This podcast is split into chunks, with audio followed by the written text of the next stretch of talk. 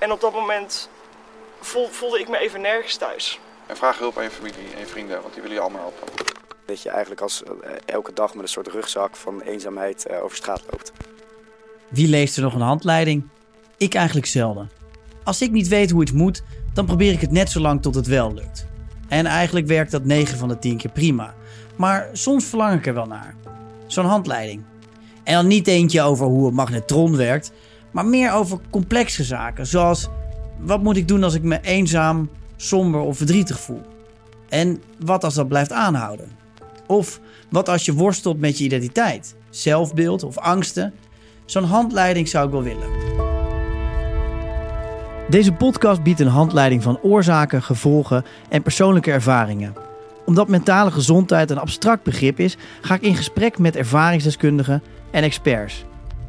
Vandaag ga ik in gesprek met Erik Bukkums, die kampt met eenzaamheid. Persoonlijk zou het heel mooi zijn als ik op een gegeven moment gewoon een leuke avond kan hebben, ook in mijn eentje. En met psycholoog en journalist Leslie Hodge. Eenzaamheid is ook wel echt een normaal gevoel en dat hoort bij het leven. En zo kunnen we samen een handleiding vormen. En vandaag luister je naar de handleiding tegen eenzaamheid.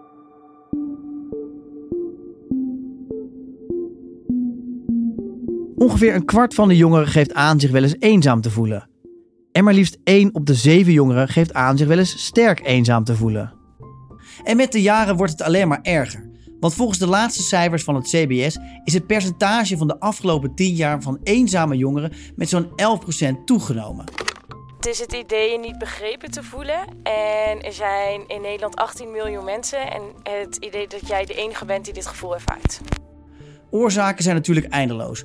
Misschien word je wel gepest, of kamp je met somberheid of gezondheidsproblemen, of misschien ben je wel verhuisd van een dorp naar een stad en lukt het je niet om aansluiting te vinden.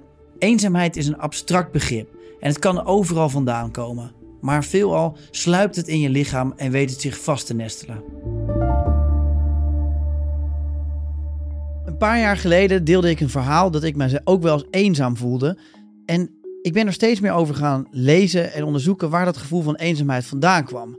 En ik zag dat het niet alleen te maken heeft met sociale eenzaamheid. Want ondanks dat ik ontzettend veel mensen ken, voelde ik toch een bepaald soort eenzaamheid omdat ik uh, emotionele eenzaamheid voelde. En dat vond ik paradoxaal. Dat ik dacht, ja, het zit hem dus niet in de hoeveelheid, maar het zit hem dus meer in, een, in de verdieping van het contact. En uh, door het verhaal te delen kreeg ik ontzettend veel reacties op Instagram. Uh, vooral van jonge mensen die hetzelfde gevoel uh, herkenden. Um, een van hen was Erik Bukkums. En um, ik nam vervolgens dit filmpje met hem op. Hi, dit is Erik. En Erik is 22 jaar. Erik heeft me benaderd via Instagram omdat hij zich wel eens eenzaam voelt.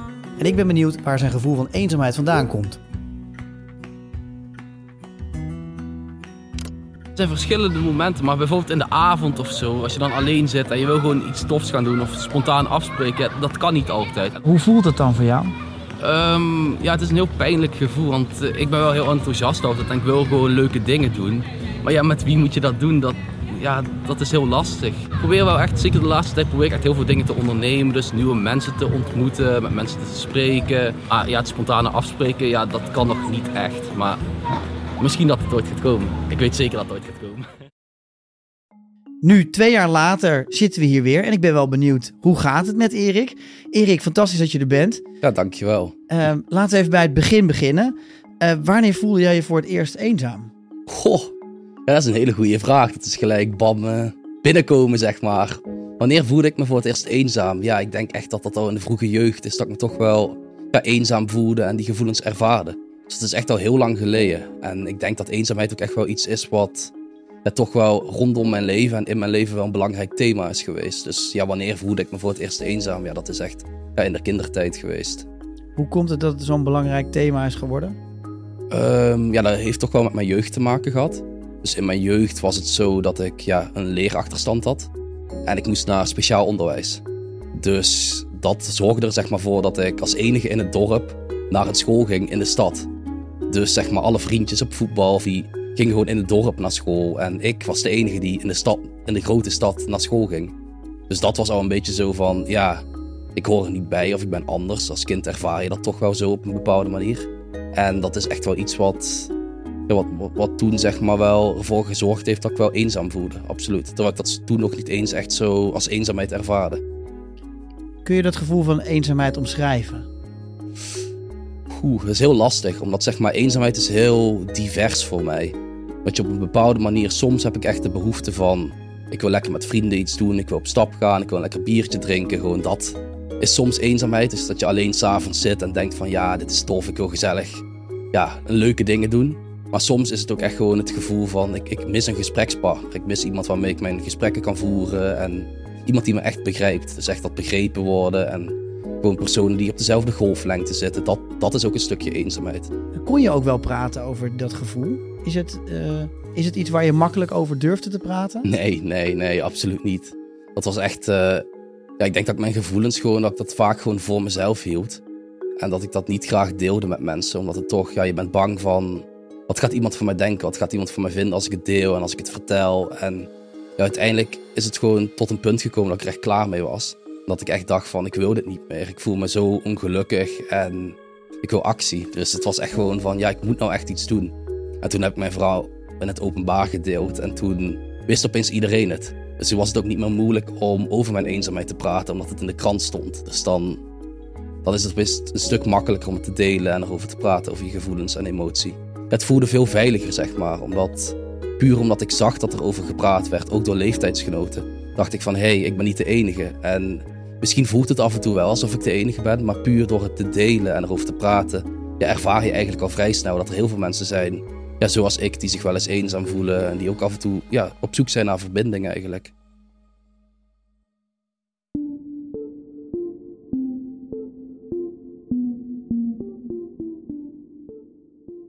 Alles wat ik normaal met plezier deed, kostte nu heel veel kracht, moeite en energie. En keek ik met, eh, met tegenzin eh, ja, tegenop. Oorzaken van eenzaamheid zijn natuurlijk eindeloos. En een oplossing vinden ligt heel complex. De ruimte creëren dat het oké is dat het af en toe even niet zo goed met je gaat. Degene die wel een poging doet is de Vlaamse journalist en psycholoog Leslie Hodge. Zij schreef het boek Eenzaam tussen mensen. Hier begon zij een zoektocht naar oplossingen van eenzaamheid. Leslie, leuk om je te spreken. In deze podcast wil ik graag een handleiding bieden voor eenzaamheid. Is er een oplossing of stappenplan voor dit probleem? Was dat maar waar en konden we allemaal maar allemaal op stap en ergens zo goede vrienden gaan kopen, wat we nodig hebben, en dan eh, is alles opgelost. Ehm, maar dat is het niet. En misschien is dat ook wel het mooie van in verbinding gaan met anderen, dat dat wel bijzonder is en dat als dat klikt, dat je dan echt wel vriendschappen, relaties hebt ehm, die jou echt een heel goed gevoel geven. Ehm, maar het belangrijkste wat, ik ehm, je daarin kan aanraden of zou willen aanraden, is erover praten. Daarnaast is het ook wel eh, belangrijk om te gaan kijken bij jezelf van wat mis ik, Ehm, om ook actie te ondernemen. Durf stappen te, te, te zetten, durf mensen aan te spreken. Heel veel onderzoeken wijzen uit dat als je een heel divers eh, rugzakje hebt van vrienden, dat dat jou ook, ja, hoe ik het zeggen, beschermt, of dat je daardoor ook fijner en gelukkiger in het leven staat. Ehm, dus probeer dat zeker te onderhouden, eh, die verschillende ehm, relaties of die verschillende mensen waar je in contact mee kan eh, treden. Ik herken dat zelf ook heel erg. Dat mijn zoektocht naar het begrijpen waar eh, eenzaamheid vandaan komt, heel erg tweeledig was. Dat het niet alleen gaat om de relatie die ik heb met anderen, maar ook de relatie die ik met mezelf heb. Ja, ja, helemaal. Hoe, hoe beter dat je weet wie je zelf bent en hoe beter je dat aan jezelf durft, durft toegeven, hoe beter dat je ook kan zoeken wie dat er in jouw omgeving bij jou past en met wie dat je de beste connectie gaat hebben en met wie dat je de beste verbinding kan aangaan. En dat is een soort van zoektocht. En soms heb je daar een aantal relaties, vriendschapsrelaties, partnerrelaties voor nodig om dat ook te ontdekken. Ondanks dat je heel veel vrienden hebt en ik heb een fijn thuis en een leuke vriendenclub, lieve ouders. Dat je toch het gevoel hebt dat, dat, je, dat je niet helemaal, ja, dat je het niet kwijt kan. De vraag: wat is vriendschap? is een terugkerend thema. Want dat is voor iedereen anders. Je hebt denk ik meerdere soorten vrienden ook. Dus bij de ene vriendschap hou je dat, bij de andere vriendschap hou je dat. En dat kan heel divers zijn, zeg maar. Waarbij je met de ene vriend bijvoorbeeld naar de bioscoop gaat, kan je met de andere weer ja, iets gaan drinken of naar een pretpark gaan. Dus dat kan ook heel verschillend zijn, denk ik. En, en dat is misschien ook wel een, een veiliger gevoel wat je voor jezelf creëert als je verschillende vrienden hebt. Ja, ja, het is ook wel Nee, ik wil niet eh, heel veel druk op één bepaalde vriend leggen die eh, alles moet zijn, zeg maar. Ja. Dat lijkt me niet heel realistisch. Nee. Dus dat, eh, nee, dat, nee.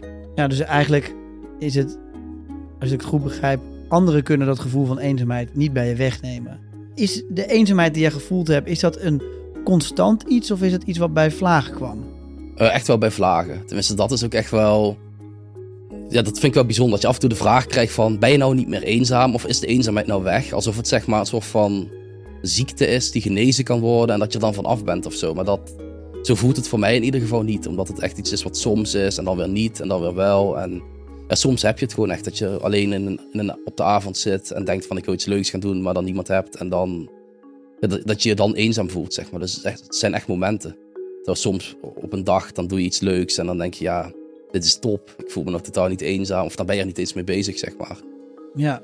En als je eh, terugkijkt naar die momenten waarin je je top voelde en niet eenzaam voelde, omschrijf eens, wat, eh, hoe voelde dat, dat soort momenten? Ja, dan ben je gewoon gelukkig, zeg maar. Dus zeg maar, kijk, als je leuke dingen doet en dingen doet waar je energie van krijgt en dat met andere mensen ook nog kan doen samen. Dat zijn voor mij echt wel van die geluksmomenten en dat ik echt denk van ja, dit is echt heel tof en hiervoor leef ik, zeg maar. Hier word ik enthousiast van, hier word ik blij van. En natuurlijk is het ook wel goed om te beseffen dat dat soort momenten, dat kan ook niet altijd zijn, zeg maar. Mhm. Omdat wanneer je wil dat dat altijd zo is, ja, dan heb je niet echt een realistische verwachting, denk ik. Omdat je dan, ja, je kunt niet verwachten dat altijd eh, roze kleur en maneschijn is. Ja.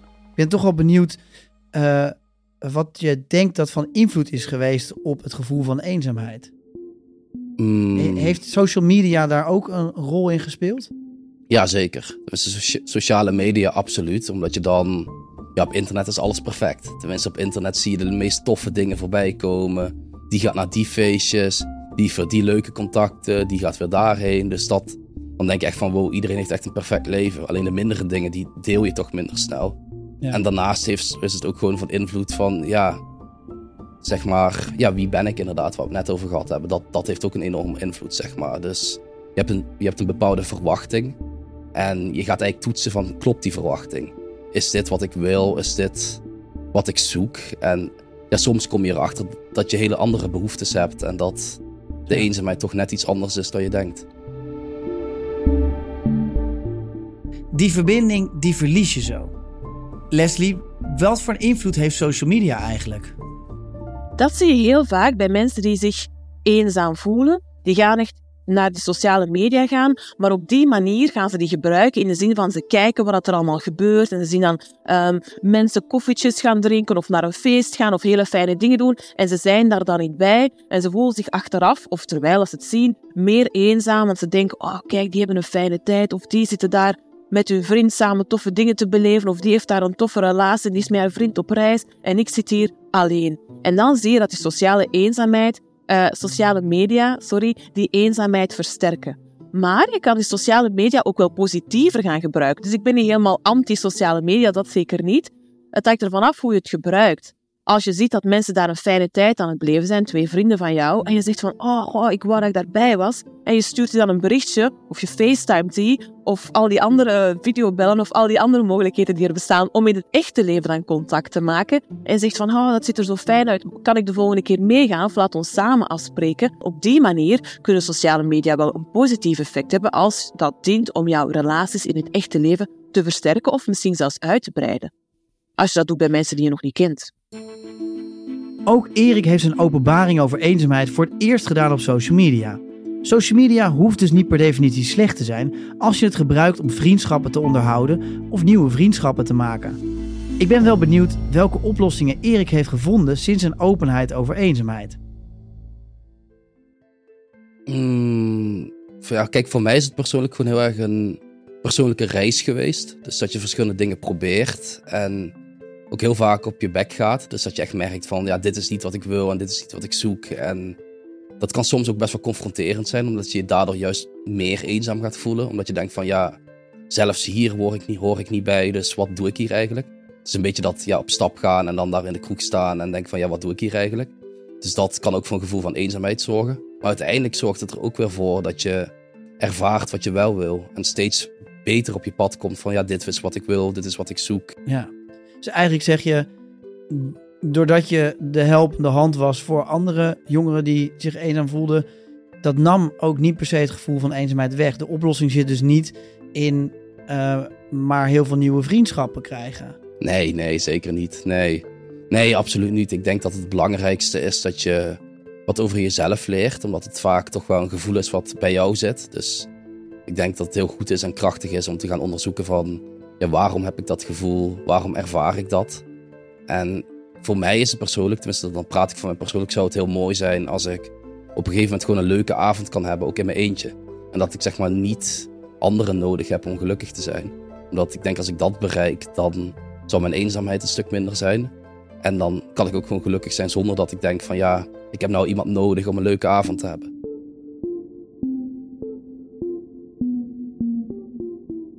Eenzaamheid is een complex probleem en je zomaar storten in nieuwe vriendschappen lijkt niet de oplossing. Eigenlijk is het zorg eerst dat je er voor jezelf bent en dat je weet wie je zelf bent. Hoe kijk jij daar tegenaan, Leslie? Alleen zijn is een enorm belangrijk iets dat je goed alleen kan zijn met jezelf. En als je na al die indrukken van overdag en die telefoon die constant van alle berichtjes spuwt, dat je eventjes kan zeggen van goh, ik trek mij terug en ik ben alleen en ik kies daarvoor, dan is dat super fijn en super belangrijk om te herbronnen. Als je alleen bent, maar je wil niet alleen zijn, dan is dat geen keuze en dan komt die eenzaamheid op de hoek kijken. Maar je moet eerst inderdaad goed alleen kunnen zijn met jezelf, um, om dan goed in een relatie te kunnen stappen, ongeacht vriendschapsrelatie, liefdesrelatie. Het belangrijke daarin is die zelfzorg. Je ziet dat mensen die eenzaam zijn, dat die zelfzorg um, ja, wat minder aanwezig is. En een van de eerste stappen kan zijn van oké, wat kan je doen tegen de eenzaamheid? Begin goed voor jezelf te zorgen. Eet gezond, slaap voldoende, beweeg goed. Al die misschien voor de hand liggende zaken, maar toch is het superbelangrijk om eerst inderdaad die zelfzorg juist te zetten en om dan inderdaad op zoek te gaan van oké, um, op welke manier kan ik hier fijne en, en, en aangename um, relaties aangaan. Maar inderdaad ook daarin heel goed voor jezelf zorgen. Ja. ja, ik herken dat wel heel erg. Mij heeft het geholpen om inderdaad uh, heel erg ook juist voor mezelf af en toe te kiezen. Dus inderdaad, een, veel meer structuur in mijn week waarin ik ook heel erg kies waar heb ik behoefte aan. Namelijk zorg dat ik voldoende slaap heb, voldoende sport, goed eet. Uh, en dat is onderdeel van je fysieke en mentale gesteldheid. Dat je lekker in je vel zit. En als je goed voor jezelf zorgt, uh, dan kun je er ook zijn voor anderen. En kun je, kun je ook echt de connectie aangaan. Ja, helemaal akkoord.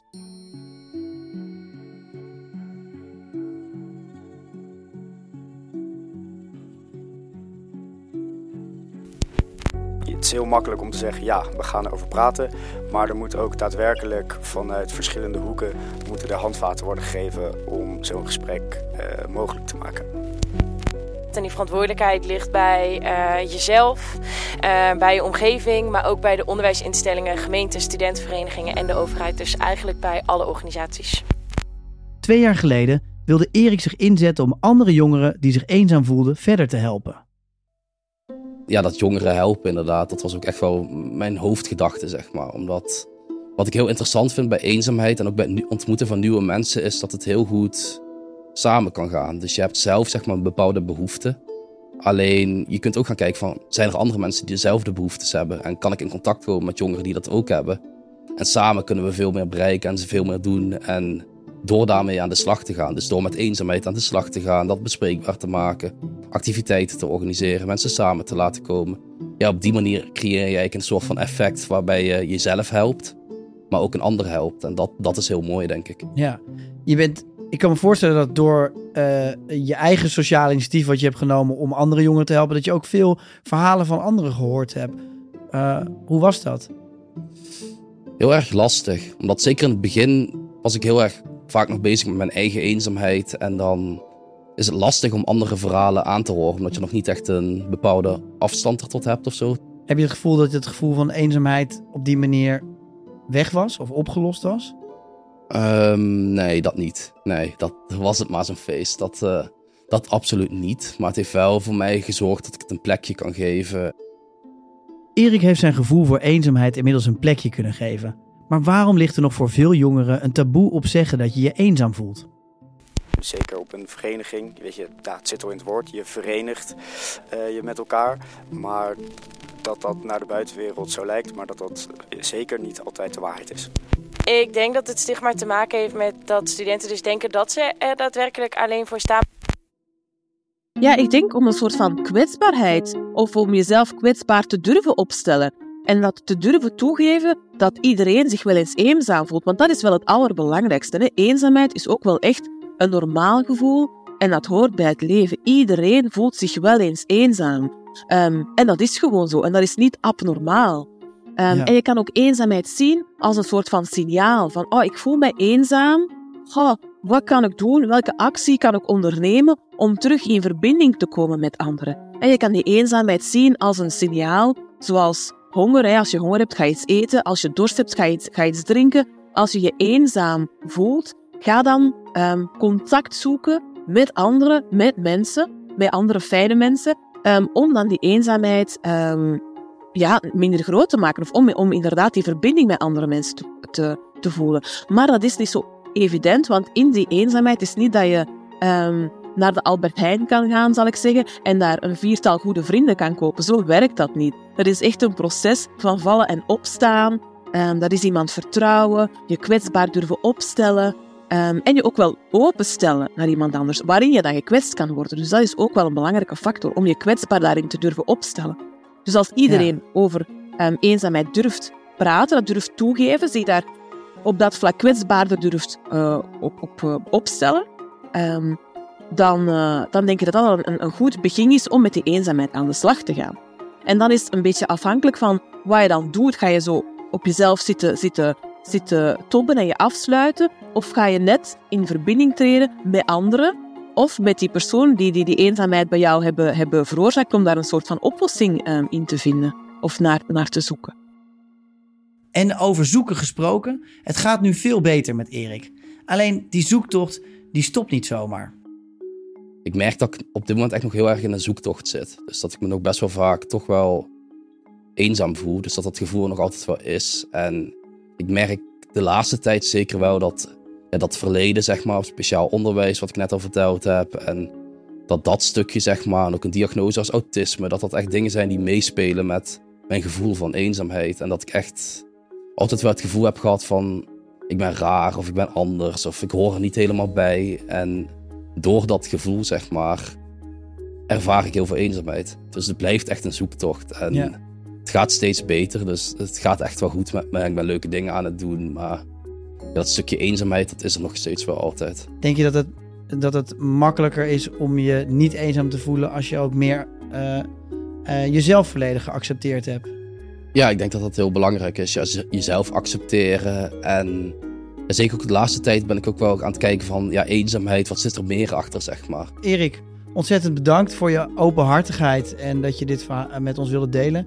En ik hoop dat eh, jouw eh, zoektocht eh, ook naar jezelf en ja, dit thema eenzaamheid, dat het je heel ver gaat brengen ook. En dat je ook, ook er heel erg voor anderen kan zijn die hiermee struggelen. Ja, ja, jij bedankt voor het fijne gesprek. En ja, ik hoop dat het mooie inzicht heeft opgeleverd. En al is er één iemand die misschien denkt van... hé, hey, dit herken ik of dit heb ik misschien ook... dan is dat ook al mooi meegenomen. Dus ik ben heel blij met het gesprek en bedankt.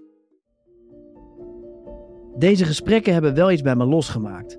Eindelijk een inzicht dat het probleem van eenzaamheid tweeledig is. Dit heb ik nog niet eerder zo beseft.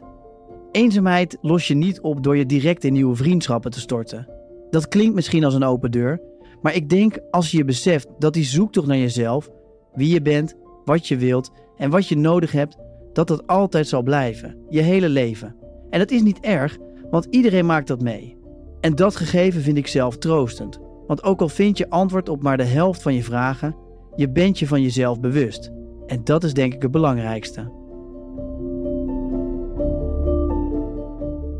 Dit was de handleiding tegen eenzaamheid. Ik wil mijn gasten Erik en Leslie erg bedanken. En ik hoop dat we een stap dichterbij zijn gekomen in het begrijpen waarom we ons eenzaam voelen en wat we er tegen kunnen doen. En ik wil jou vragen: heb jij een aanvulling op deze handleiding? Laat het mij dan vooral weten. Dat kan via Instagram. Of misschien heb jij een vraag over een thema waar jij een handleiding voor zou willen. Want één ding is zeker: deze handleiding komt nooit af.